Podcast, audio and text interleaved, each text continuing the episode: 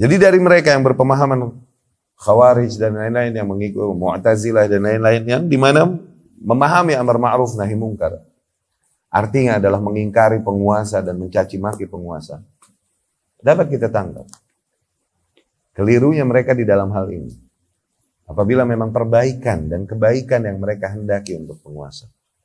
Nasihat yang mereka hendak tujukan, harusnya bukan cara itu yang mereka tempuh di dalam menyampaikan. Assalamualaikum warahmatullahi wabarakatuh. Bismillahirrahmanirrahim. walhamdulillah. Wassalatu wassalamu ala rasulillah wa ala alihi wa ashabihi wa man walah amma ba'd. Al-aslus sadis. Pondasi ke-6. Halaman 22. Aidan min dawabit yahtamuna bil amri bil ma'ruf wan nahyi 'anil munkar. Begitu juga yang di antara yang menjadi hal ya di antara dhabit dan usul dari pemahaman salafism ini adalah di mana mereka, yakni para salafiyun, para ahlu sunnah adalah kaum yang senantiasa memberikan perhatian kepada praktek amar ma'ruf dan nahi mungkar. Kama qala ta'ala, sebagaimana Allah subhanahu wa ta'ala berfirman, Kuntum khaira ummatin ukhrijat linnas ta'muruna bil ma'ruf wa tanhaun 'anil munkar. Kalian telah menjadi sebaik-baiknya umat yang dijadikan keberadaannya di antara manusia dalam rangka beramar ma'ruf dan bernahi mungkar. Ma'ruf wan nahyu 'anil munkar min usulid da'wah as-salafiyyah. Maka praktek amar ma'ruf nahi mungkar adalah di antara usul dakwah salafiyah. Wa min dawabitiha lakin wa min dan juga termasuk di antara dawabit-dawabit ad-da'wah as-salafiyah. Lakin bisyuruti wal qawaid al muta'alliqah biha. Tapi tentunya dengan syarat-syarat dan kaidah-kaidah yang berkaitan dengannya.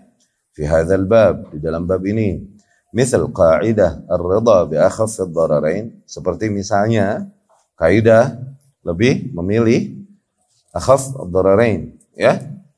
Madarat yang lebih ri, ringan. Ketika dihadapkan pilihan. Kemudian madarat pilihan tersebut madarat semua pilih yang lebih ringan. Wa misal kaidah dan juga seperti kaidah la yanha 'anil munkar bimunkar akbar minhu. La yunha 'anil munkar bimunkarin akbar minhu. Tidaklah diingkari kemungkaran dengan kemungkaran yang lebih besar darinya ya. Tidaklah diingkari kemungkaran dengan cara yang mungkar juga ya. Maknanya mungkin Falyakun amruka bil ma'ruf ma'rufan. Maka agar amar ma'rufmu dengan cara yang ma'ruf, dengan cara yang benar.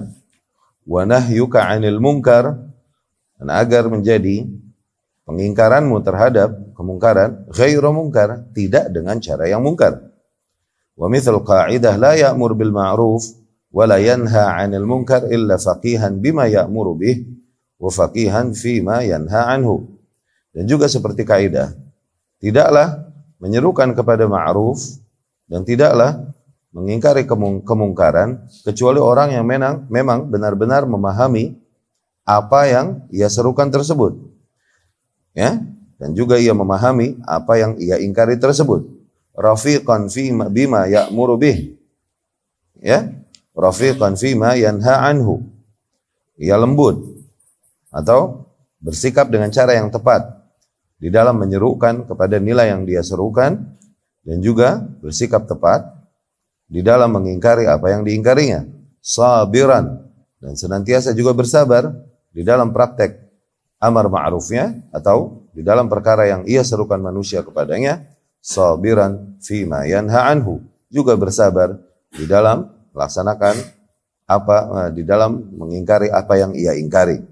Wa hadhihi wa ghairiha maka dawabit-dawabit ini, ketetapan-ketetapan ini dan lain-lain, al-waridah fi hadzal bab yang disebutkan di dalam bab ini, hiyal aslu indahum fil amri bil ma'ruf wan nahyi 'anil munkar. Ini adalah di antara poin-poin asal yang diyakini ahlus sunnah di dalam praktek amar ma'ruf nahi munkar. Wahum yukhalifuna fi hadha tariqatal mu'tazilah.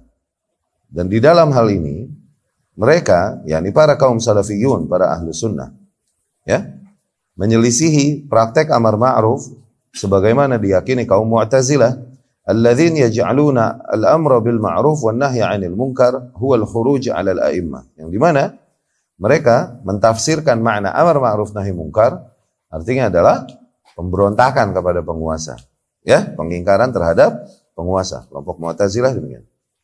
Wa huwa syahhan nas ala wulatil umur. Di mana mereka senantiasa memprovokasi para masyarakat untuk membenci penguasanya la laisu hakadha innamahum ya'muruna bil ma'ruf wa yanhauna 'anil munkar 'ala tariqah allati kana 'alaiha ar-rasul sallallahu alaihi wasallam wa ashabuhu ridwanullah alaihim tidak demikian selayaknya tidak demikian seharusnya Ya. Adapun ahlu sunnah senantiasa mereka menerapkan amar ma'ruf dan nahi mungkar sesuai dengan metode sebagaimana Rasul dulu sallallahu alaihi wasallam dan para sahabatnya ridwanullah alaihim berjalan di atasnya. Wa hum yatakallamuna fi hadzal bab ala sunnah wa ala tariqah. Ya, dan senantiasa juga para salafus saleh berbicara di bab ini, ya, berbicara di bab amar ma'ruf nahi mungkar sesuai dengan sunnah sesuai dengan metode ini. Metode yang tayyib. Ikhwati rahimakumullah, amar ma'ruf nahi munkar. Amar ma'ruf nahi munkar di antara usul besar dari usul-usul salafiyah tentunya. Ini di antara nilai-nilai besar yang dijunjung tinggi ya dan dipegang teguh oleh para ahlus ahlus sunnah. Ya. Namun amar ma'ruf nahi munkar tidaklah sembarangan di dalam penera penerapannya. Ya. Banyak syarat yang harus dipenuhi. Di antara syaratnya, kami tidak berniat untuk menyebutkan semuanya. Ya, ini yang dan syarat-syarat ini yang nantinya membedakan kita dengan kelompok-kelompok lain di dalam praktek amar ma'ruf nahi nahi mungkar. Oke? Kenapa? Seringkali amar ma'ruf nahi mungkar juga adalah nilai yang ditunggangi oleh kelompok-kelompok yang menyimpang dari jalan yang hak untuk membenarkan atau untuk menjadi hujah bagi penyimpangan mereka. Bahwasanya kerusakan dan kemudian uh, pengingkaran yang mereka lakukan ini adalah bentuk ibadah dan bentuk amar ma'ruf nahi mungkar. Nah, yang membedakan kita dengan mereka di dalam memahami dan mempraktekkan amar ma'ruf nahi mungkar adalah di dalam metodenya. Ya, amar ma'ruf nahi mungkar hal yang sama-sama disepakati merupakan kewajiban. Ini hal yang sama-sama disepakati. Cuma nanti penerapannya yang berbeda. Ya. Amar ma'ruf nahi mungkar. Yang pertama tentunya sebagaimana ibadah-ibadah yang uh, ada haruslah pertama berangkat ikhlas lillahi ta'ala. Ya, amar ma'ruf nahi mungkar yang dilakukan oleh kita janganlah demi demi demi jatah bukan lihadzi nafsina, bukan demi membesarkan diri kita kita melakukan amar ma'ruf nahi mungkar. Lah sebagai bentuk penghambaan diri kita kepada Allah dan pengorbanan kita untuk agama agama Allah. Harus itu, itu ikhlas. Ya. Kenapa? Bisa jadi seseorang melakukan amar ma'ruf nahi mungkar, namun yang dia lakukan sebenarnya adalah untuk membesarkan dirinya, untuk memberikan memberikan kepuasan pada dirinya bahwasanya dia telah dia telah dia telah tuh. Ini yang menjadi syahwat ya bagi mereka yang melaksanakan amar ma'ruf nahi mungkar. Ma'adzallah. Jadi keikhlasan itu harus, keikhlasan. Kita melakukan itu ingat bahwa kita melakukan itu lillahi taala untuk Allah Subhanahu wa taala dan demi membela agamanya, demi menyampaikan nilai-nilai agamanya juga. Ya. Dan kemudian metodenya di dalam caranya juga sebagaimana ibadah-ibadah lain haruslah sesuai dengan yang diajarkan oleh Rasulullah Shallallahu Alaihi Wasallam. Gak jadi gila-gila dengan mentang-mentang dengan nama amar ma'ruf nahi mungkar. Kemudian kita melepaskan diri dari semua ikatan dan kaidah-kaidah yang ada. Gak begitu. Di antara, di antara metodenya. Pertama, harus ilmu dulu. Ilmu dulu. Sebelum masuk ke ranah amar ma'ruf dan nahi mungkar, seorang yang melakukannya harus benar-benar memahami ma'ruf yang dia serukan dan mungkar yang dia ingkarin ini. Jangan sampai seseorang menyerukan kepada ma'ruf, dia kira itu ma'ruf, padahal itu batil, ah, kemungkaran. Dan jangan sampai seseorang mengingkari kemungkaran karena dia kira itu kemungkaran. Padahal justru hal tersebut ma'ruf. Cuman emang nggak umum, nggak common berjalan di antara manusia. Tuh. Jadi perlu il, ilmu dulu, ya. Jadi ada ada sahib lulusan Yaman juga di antara saudara-saudara kita. Lulusan Yaman juga satu hari sholat di masjid di antara masjid-masjid besar di kota di Jawa Tengah. Okay? Pas lagi sholat ini, Zen, sholat kenapa apa ini itu? Si imamnya ini berkata, diluruskan barisannya, sibukkan diri dengan sholat, nggak usah cari kaki yang lain. Masjid ini lega, nggak usah dempet-dempetan kaki.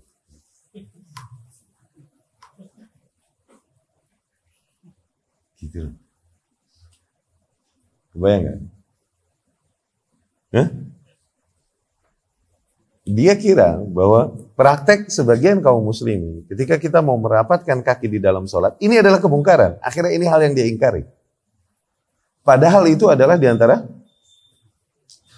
kesempurnaan sholat. Di antara kesempurnaan sholat.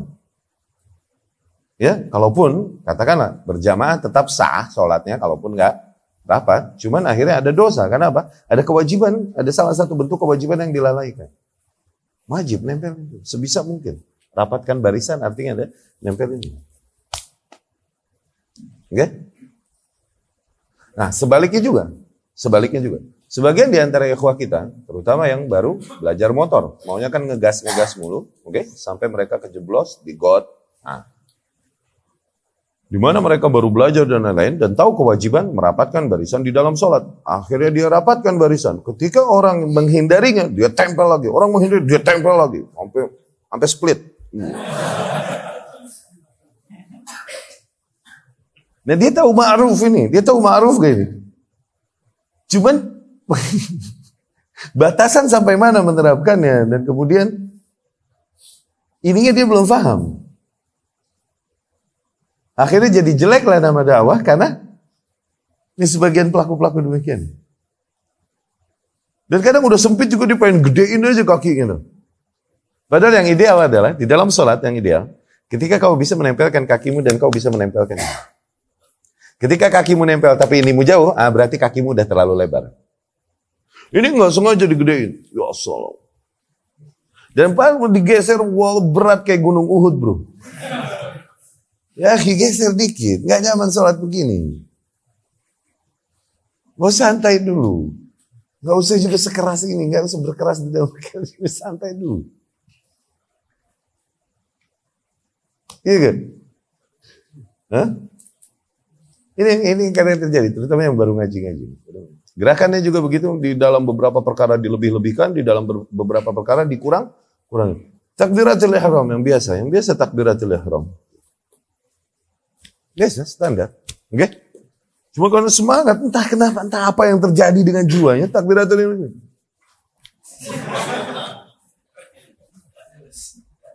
You were there, right? You've been there. Kalian di situ dulu kan? Nah.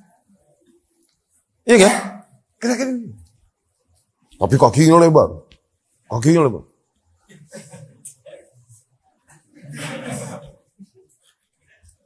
Kenapa nggak yang standar biasa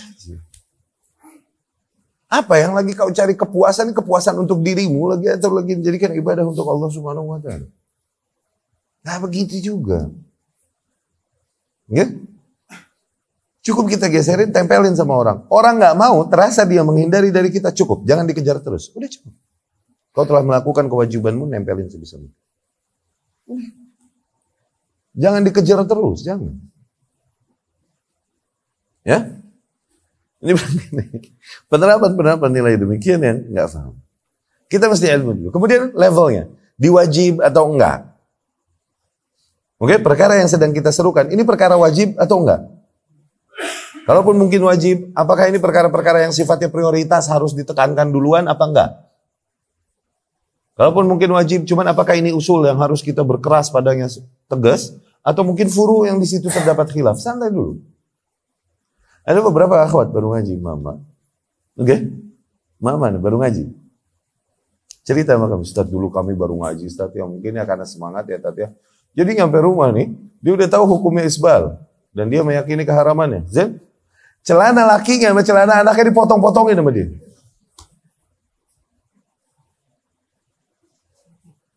Dan ini menurut dia ibadah, amar ma'ruf nahi Celana lakinya dihajar dong, nggak pakai izin. Celana anaknya dipotong. Akhirnya nambah sebelah lakinya sama anak-anaknya dengan dakwah yang dia bawakan kan. Ini ngaji apaan sih si Muhammad? Tuh kan, akhirnya yang disalahin apa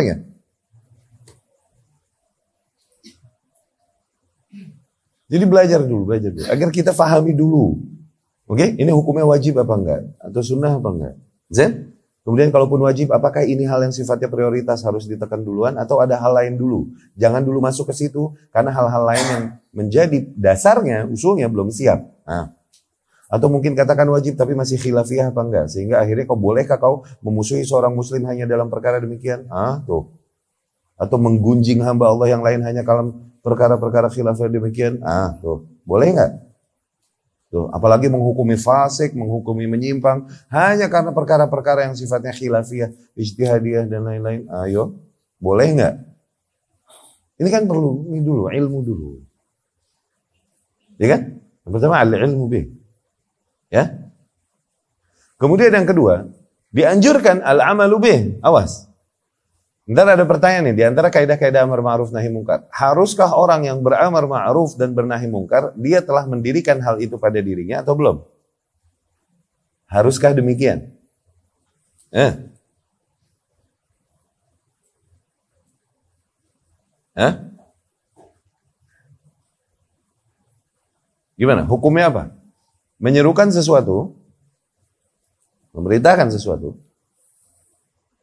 apakah orang yang memerintahkan atau menyerukannya ini harus sudah mendirikan hal itu dulu belum pada dirinya? Eh. Jadi ente mengingkari, menyeru, menyeru, mengingkari kemungkaran pada seseorang. Apakah menjadi syarat dia harus telah mendirikan dirinya pada dirinya dulu hal itu? Eh? Ya. Itu nilai kemuliaan, tapi bukan syarat.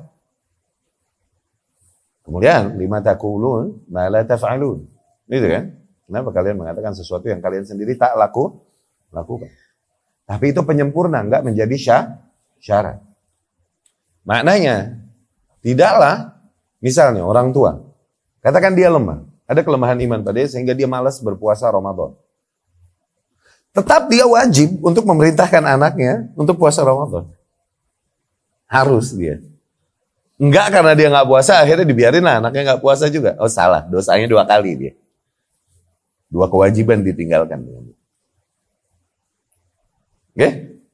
Jadi itu di antara penyempur, penyempurna. Bukan di antara syah, syarat untuk mendirikan amar ma'ruf nahi mungkar. Ya? Si pelakunya harus sudah mendirikan dulu belum nilai itu pada dirinya, itu di antara penyempurna saja. Kamaliyat. Ya. Bukan syarat keabsahan, sehat. Di antara juga praktek amar ma'ruf nahi munkar. Di antara kaidah-kaidah amar ma'ruf nahi munkar.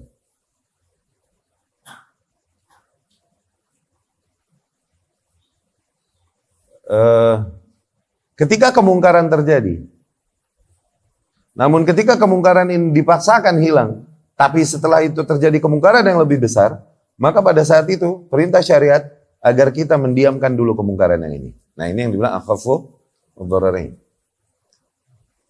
Atau mungkin ada banyak kemungkaran, ada banyak opsi, tapi semuanya mungkar. Nah, pilih yang paling ngeri, paling ringan. Ibnu Taimiyah rahimahullah di dalam perjalanan bersama murid-muridnya pada saat itu. Pada saat Masa-masa Mongol menguasai negeri-negeri kaum muslimin. Dia melihat ada pasukan Mongol lagi mabok-mabok nih, lagi mabok, mabok. Nah muridnya nih mau turun, mau ngancur-ngancurin nih botol-botol minuman keras mereka dan mengingkari kemungkaran mereka nih lagi mabok-mabok. Iya kan? Amar ma'ruf nahi mungkar gak tuh? Amar ma'ruf nahi mungkar. Muridnya Ibnu Taimiyah. Kata Ibnu Taimiyah rahimahullah, jangan, jangan, biarin. Loh, jangan. Kira-kira muridnya, muridnya Ibnu Taimiyah. Bisa nggak mendatangkan dalil haramnya khamr? Muridnya Ibnu Taimiyah nih. Ya Syekh innamal khamru wal maisir wal ansab wal azlam. Gimana kayak gitu kan? Ya. Bisa kan? Tapi Ibnu Taimiyah bilang jangan. Biar. Kenapa? Karena ketika dia mabuk-mabuk begini, ini madarat yang lebih ringan. Kalau dia lagi sober, lagi nggak mabuk, kerjaannya nih ngebunuhin kaum muslimin, perkosa wanita kaum muslimin, merampas harta kaum muslimin. No, Kerjaannya begitu. Kalau lagi nggak mabok. Mendingan mabok apa enggak? Mendingan mabok. Faham? Hah? Ada pertimbangan itu. Ini kalau dirubah, akhirnya terjadi kemungkaran yang lebih besar gak? Kalau dipaksakan dirubah. Maka apabila demikian memang, maka pada saat itu diamkan dulu kemungkaran yang ada. Ini akan lebih tepat dan lebih sesuai dengan makosid syari, syariah. Daripada memaksakan merubah yang ini, akhirnya kemudian terjadi kemungkaran yang lebih be, lebih besar. Ya?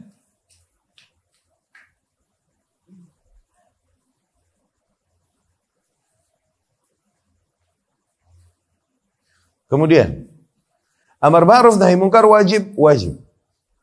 Sekali lagi, dengan metodenya, dengan cara-cara yang memang dibenarkan dan diajarkan oleh Rasulullah Sallallahu Alaihi Wasallam melalui salafus saleh.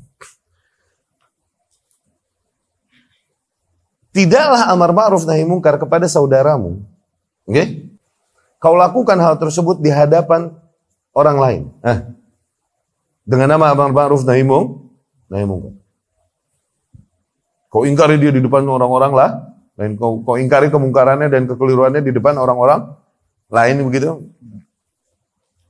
Lah, lah, lah. Ada kewajiban untuk menjaga muruah seorang mus, muslim. Cari saat yang tepat, jadikan ini berdua dengannya, sampaikan nasihat itu. Ya? Apa demi menjaga muruah seorang muslim? Padahal dia rakyat biasa. Kebayang nggak sekarang? Ketika yang mau diingkari kekeliruannya adalah penguasa. Hah?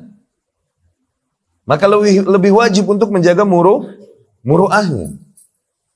Maka tidaklah diajarkan di dalam Islam bagi seseorang untuk berteriak di jalanan, berteriak di mimbar, mengingkari kemungkaran-kemungkaran yang dilakukan oleh penguasa, penguasa kepada saudara kita aja rakyat biasa. Dianjurkan apabila memang ikhlas benar. Yang kau cari adalah ridha Allah dari nasihatmu maka kau akan menjaga muruahnya demi kebaikan dia juga. No. Karena kau ingin menyampaikan kebaikan bukan lagi ingin membunuh dan merusak nama baiknya. Awas. Kalau tujuannya ikhlas. Tapi apabila memang yang ditujukan adalah bukan lillahi ta'ala, tapi kepuasan diri. No. Hawa yang diikutin. Maka cara itu akan dilanggar oleh seseorang dan kemudian dia menggunakan cara-cara yang tidak diajarkan oleh syariat. Berteriak dan mencaci maki, penguasa, aparat dan lain-lain di khalayak umum, di mimbar, di jalanan dan lain-lain. Ya. Menanamkan bibit-bibit kebencian pada masyarakat, kepada penguasanya dan aparatnya dan lain-lain.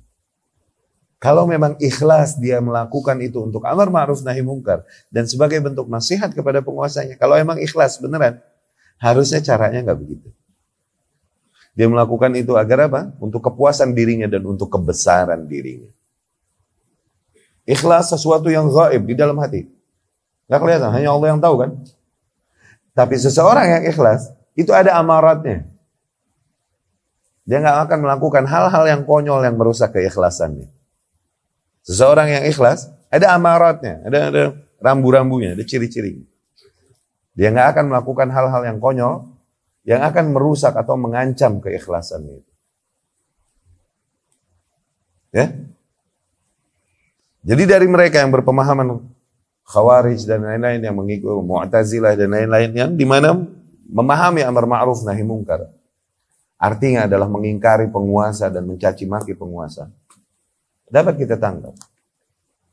Kelirunya mereka di dalam hal ini. Apabila memang perbaikan dan kebaikan yang mereka hendaki untuk penguasa. Nasihat yang mereka hendak tujukan, harusnya bukan cara itu yang mereka tempuh di dalam menyampaikan. Ya. Ada caranya, ada teknisnya. Oke? Di antara syubhat mereka di dalam hal ini. Oke? Jihad, jihad yang paling utama, qaulul haq inda sultan jair. Dan mengucapkan yang hak kepada penguasa yang zalim. Bu. ya? Mengucapkan hak kepada penguasa yang zalim. Dari situ mereka melakukan apa yang mereka lakukan. Dari pengingkaran, cacian, dan makian kepada para penguasa. Ini bisa kita arahkan. Ini hadisnya benar, hadisnya mah benar dari Nabi Shallallahu Alaihi Wasallam. Oke? Namun bagaimana cara memahaminya? Lihat. Kaulul hak, mengatakan yang hak, tayyib yang hak. Ya, bukan sesuatu yang kau kira itu mungkar padahal itu ma'ruf. Bukan sesuatu yang memang pada dasarnya hak-hak penguasa untuk memutuskannya, cuman gak sesuai dengan seleramu, kemudian kau paksakan penguasa supaya ikut seleramu. Itu bukan hak. Awas. Yang hak, benar. Oke? Okay? Dan kemudian, Inda Sultan Jair. Inda ini ada makna indiyah. Indiyah di hadapan. Dalam raihannya. Tuh. Indah Allah, di sisi Allah, terdekat. Indah itu maknanya gitu. Qaulul haq inda. Inda Sultan Jair. Indah itu ada makna kedekatan. Di samping, di hadapannya. Okay? Bukan dari jalanan bro, bukan dari mimbar. Ketika kau bertemu dengannya, nah itu. Itu makna indah. Karena kalau nggak begitu, mau dikemanakan hadis-hadis lain, yang datang dari Rasulullah Sallallahu Alaihi Wasallam yang menjelaskan detail spesifik teknis untuk menasehati penguasa. Di antara hadis Rasul Sallallahu Alaihi Wasallam man arad sahli sultan barang siapa yang mau menyampaikan nasihatnya kepada penguasa maka agar ia ambil tangannya. Wa yakhlu biha agar ia berdua-dua dengannya. Eh. kemudian ia sampaikan nasihatnya. Fa in qabila minhu apabila ia menerima nasihatnya maka itu yang diharapkan Wa illa dan apabila ia tak menerima nasihatnya faqad addal ladzi ma alaih. Maka toh ia telah menyampaikan apa yang menjadi kewajibannya. Udah nggak punya hak dia untuk memak memaksa. Nah, hadis-hadis ini mau dikemanain? Kalau dengan hujah hadis yang tadi akhirnya kemudian seseorang berteriak dari jalanan, di halayak ramai, berteriak dari masjid, dari mimbar dan lain-lain untuk mengingkari penguasa dengan nama nasihat dan amar ma'ruf nahi munkar. Demikian kebiasaan ahlul bidah mereka akan mengambil secomot dan secomot berpaling dari nas-nas yang lain yang nggak sesuai dengan selera mereka. Selalu mengambil satu sisi-sisi saja dan berpaling dari nas-nas yang sisi lain yang menyeimbangkannya, yang mengarahkannya. Selalu begitu. Demikian Khawarij yang mengambil ayat-ayat yang sifatnya wa'id, ancaman-ancaman. Demikian Murji'ah yang mengambil ayat-ayat yang sifatnya wa'ad, janji-janji baik. Tuh. Berpura-pura buta dari kutub satu satunya. Demikian. Ya,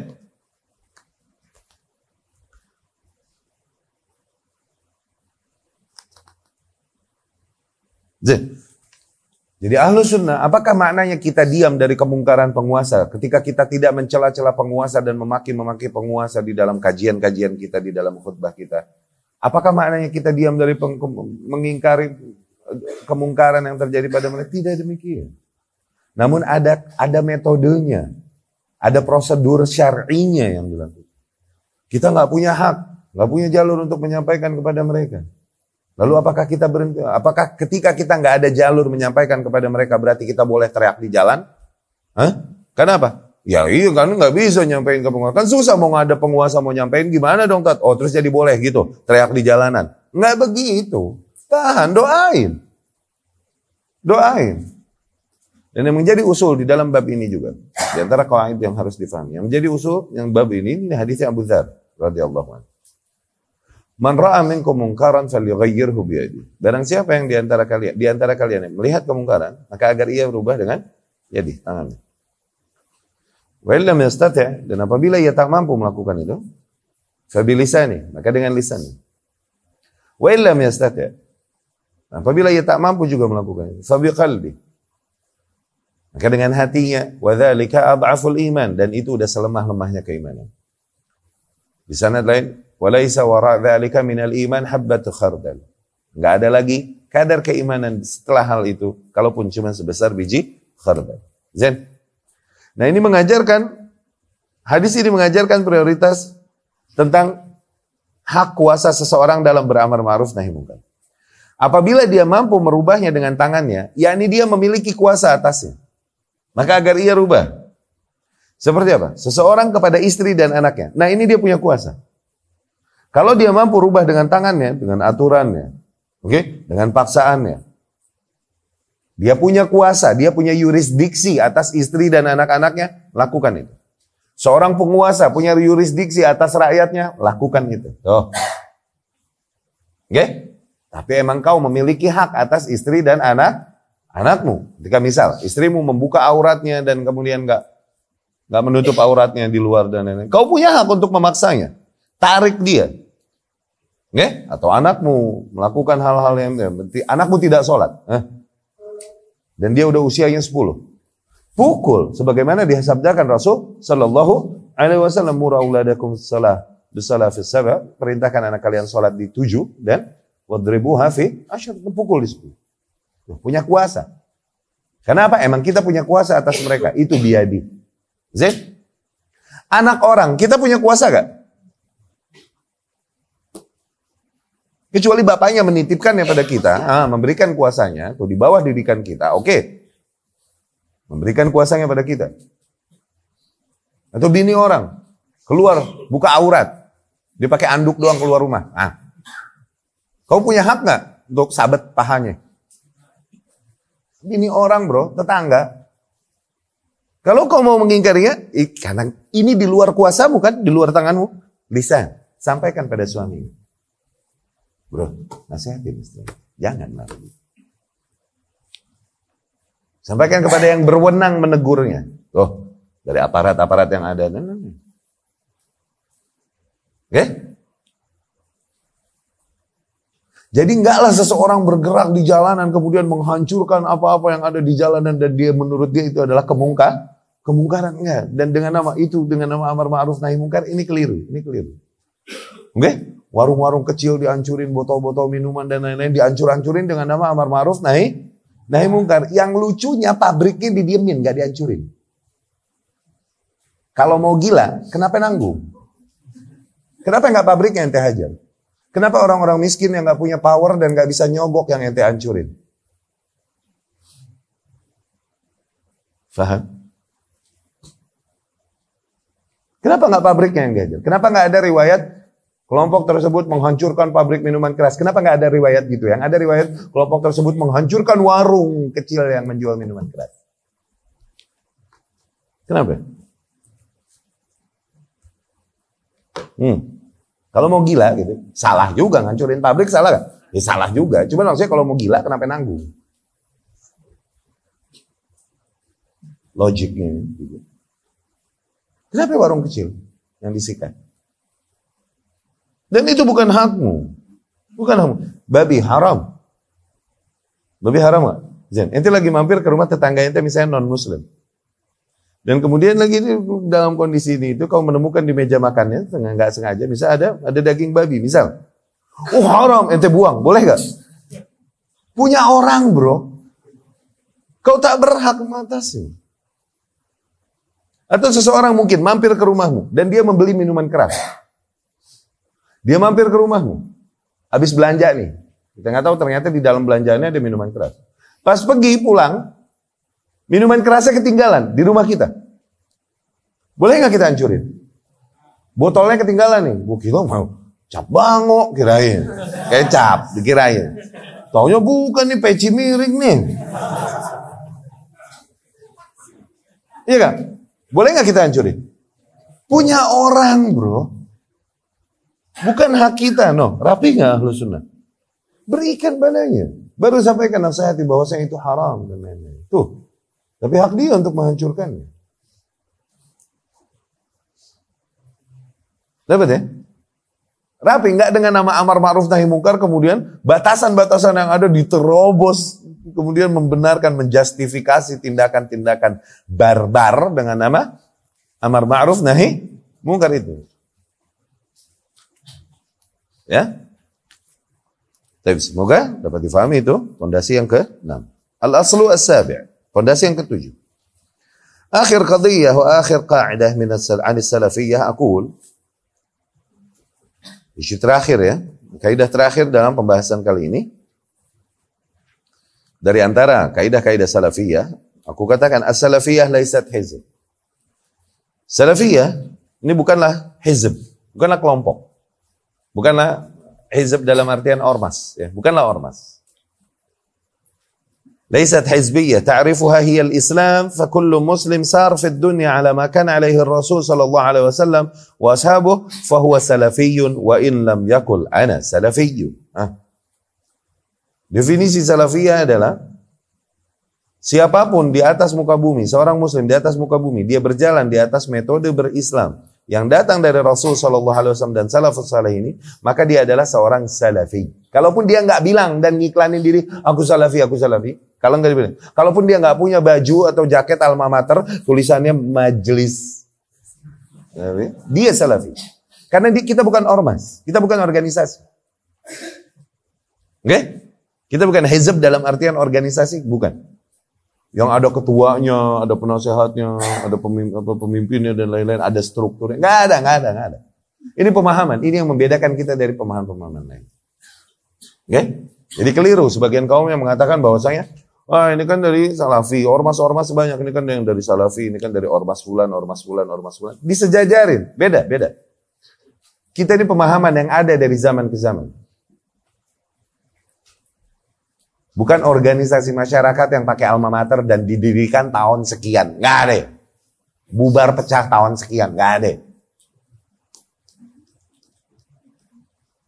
Nah, kita pemahaman secara umum. Siapa pun yang berjalan, pemahamannya ke arah ini, mencari jalan ke arah ini dan lain-lain. Dan dia muslim. Okay? Maka dia adalah seorang salafi. Di mana pun dia berada. Kalaupun dia tidak meng, mengikrarkan dan mengiklan, mengiklankan kepada dunia bahwa aku salafi, aku salafi, dia seorang salafi, dia seorang ahlus ahlus sunnah. Ya? Kullun man masya ala hadhihi tariqah. Setiap individu yang berjalan di atas metode beragama ini. Wa ala hadzal uslub. Ya, berjalan di atas gaya beragama demikian, fahuwa salafiyun, maka ia adalah seorang salafi. Fahuwa minas salafiyah lianna salafiyah laysat hizbiyah, laysa jama'ah. Karena kan salafiyah Bukanlah hizbiyah, bukanlah organisasi, bukanlah ormas. Ya, nggak punya jamaah. Walah tanzim kullul muslim, bukanlah dia organisasi yang terstruktur tanzim. Mungkin yang punya struktur organisasinya. Kullul muslimin alladzina yasirun ala hadzal manhaj. Semua muslim yang berjalan di atas metode beragama ini hum jama'atul muslimin. Maka mereka adalah jamaah kaum muslimin wahumul jama'ah dan mereka lah adalah, mereka lah itu yang dibilang al-jamaah. Wa kullu imam. Demikian juga setiap imam, setiap pemimpin, pemimpin kaum muslimin. Ala ma kana alaihi Rasul sallallahu alaihi wasallam yang berjalan di atas nilai-nilai yang Rasul sallallahu alaihi wasallam berjalan di atasnya wa ashabu demikian juga para sahabatnya, maka ia adalah seorang salafi wa huwa min a'immatis salafiyah. Maka ia seorang imam di antara imam-imam salafiyah. Yuta' fil ma'ruf. Ditaati ya di dalam perkara yang ma'ruf. Wala yuta' fima ya'sillaha azza wa jalla. Tidaklah ia ditaati pada perkara-perkara yang sifatnya maksiat kepada Allah Subhanahu wa taala. Hadha huwa al-amru bil ma'ruf wan nahyi 'anil munkar. Ini juga termasuk bentuk amar ma'ruf nahi munkar. Wa hadhihi hiya salafiyah dan demikianlah konsep salafiyah allati hiya laysat bihizbiyah fahiya laysat jama'ah khasah. Maka salafiyah sekali lagi bukanlah organisasi-organisasi tertentu. Dengan para pengikut dan anggota-anggota tuh jamaah khasah yakni anggota-anggota tertentu. Enggak. Walaysat hizb khas, walaysat tanzim muayyan. Salafiyah juga bukan organisasi yang memiliki struktur keorganisasian tertentu, gitu. Nah, Hiya laisat hizbiyah wa laisat tanzim wa dakwah khasa. Salafiyah juga bukan sebuah satuan dakwah tersendiri gitu. Enggak, enggak demikian. Ya. Innama kullu muslim fid dunya bi ayyi makan sawa qala ana salafi aw lam yaqul ana salafi idza kan manhajuhu wa tariqatuhu ittiba' ma kana alaihi rasul sallallahu alaihi wasallam wa ashabuhu fa salafi. Yang ada justru setiap muslim di dunia ini, di tempat mana pun ia, di negeri mana pun ia, dan ia berkata bahwasanya aku adalah seorang salafi, atau mungkin dia tidak berkata bahwa aku seorang salafi, tapi metode beragamanya mengikuti ya, jalan yang di mana Rasul Wasallam dan para sahabatnya berada di atasnya, maka ia adalah seorang salafi. Wa kullun man kan 'ala al-islam sahih. Dan setiap orang yang berada di atas keislaman yang benar, keislaman yang tepat, keislaman yang sahih. Fahuwa salafi, maka ia seorang salafi. Wa tariqatuhu hiya salafiyah. Dan berarti metode yang ia berada di atasnya itulah metode salafisme. Ya.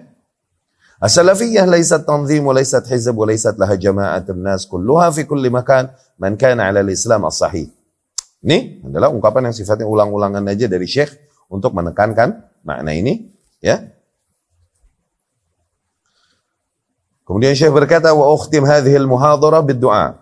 Dan aku tutup perkuliahan ini dengan doa, lana wa lakum bagi kami dan bagi kalian bi an Allah wa iyyakum semoga Allah Subhanahu wa taala memberikan sabat ah keteguhan ya bagi kami dan bagi kalian wa ala ma kana alaihi salafus salih untuk bertahan di atas nilai-nilai yang para salafus salih berada di atasnya wa ja'alana wa iyyakum hudatan muhtadin dan semoga Allah jadikan kami dan kalian orang-orang yang membawakan petunjuk dan senantiasa mendapatkan petunjuk A'izzah 'alal kafirin, adzillah 'alal mu'minin. Yang tampak besar agung di hadapan orang-orang kafir, namun begitu sederhana merendahkan diri di hadapan orang-orang yang beriman. Wa ayyuwaffiqana wa iyyakum ila izalah kulli sabab min asbabil ikhtilaf. Semoga Allah Subhanahu wa taala memberikan kita taufik, kita semua taufik untuk menghilangkan semua sebab dari sebab-sebab yang menjadikan perselisihan. Wa kullu sabab min asbab asbabil iftiraq menghilangkan semua sebab dari sebab-sebab perpecahan wa ayya ja'alana wa iyyakum mimman yuhyillahu bihim ma'alimaddin semoga Allah Subhanahu wa taala jadikan kami dan kalian termasuk orang-orang yang dengannya Allah hidupkan kembali lambang-lambang agama ajaran-ajaran agama. Wa yu'idun nas dan mengembalikan manusia kepada agama. Wa yakunu sababan fi i'adatin nas ila siratil mustaqim. Semoga Allah jadikan kami dan kalian menjadi sebab mengemba, uh, uh, sebab yang dapat mengembalikan manusia ke arah jalan yang lurus. Wa sallallahu ala Muhammad wa ala alihi wa sahbihi wa sallim ajma'in. Alhamdulillah, risalah ini telah kita selesaikan. Itu dia. Metode salaf di dalam memahami penyimpangan. Semoga materi yang disampaikan dapat menjadi pesan buat kita semua ya. Dapat jadi nasihat buat anak dan buat ikhwati dan akhwati semuanya. Uh, kita dirikan sholat isya, setelah itu kemudian eh, kita, apa, kita dengarkan adzan isya, kemudian lanjut ke tanya jawab. Aku lu qauli hadza wa astaghfirullah di warakum.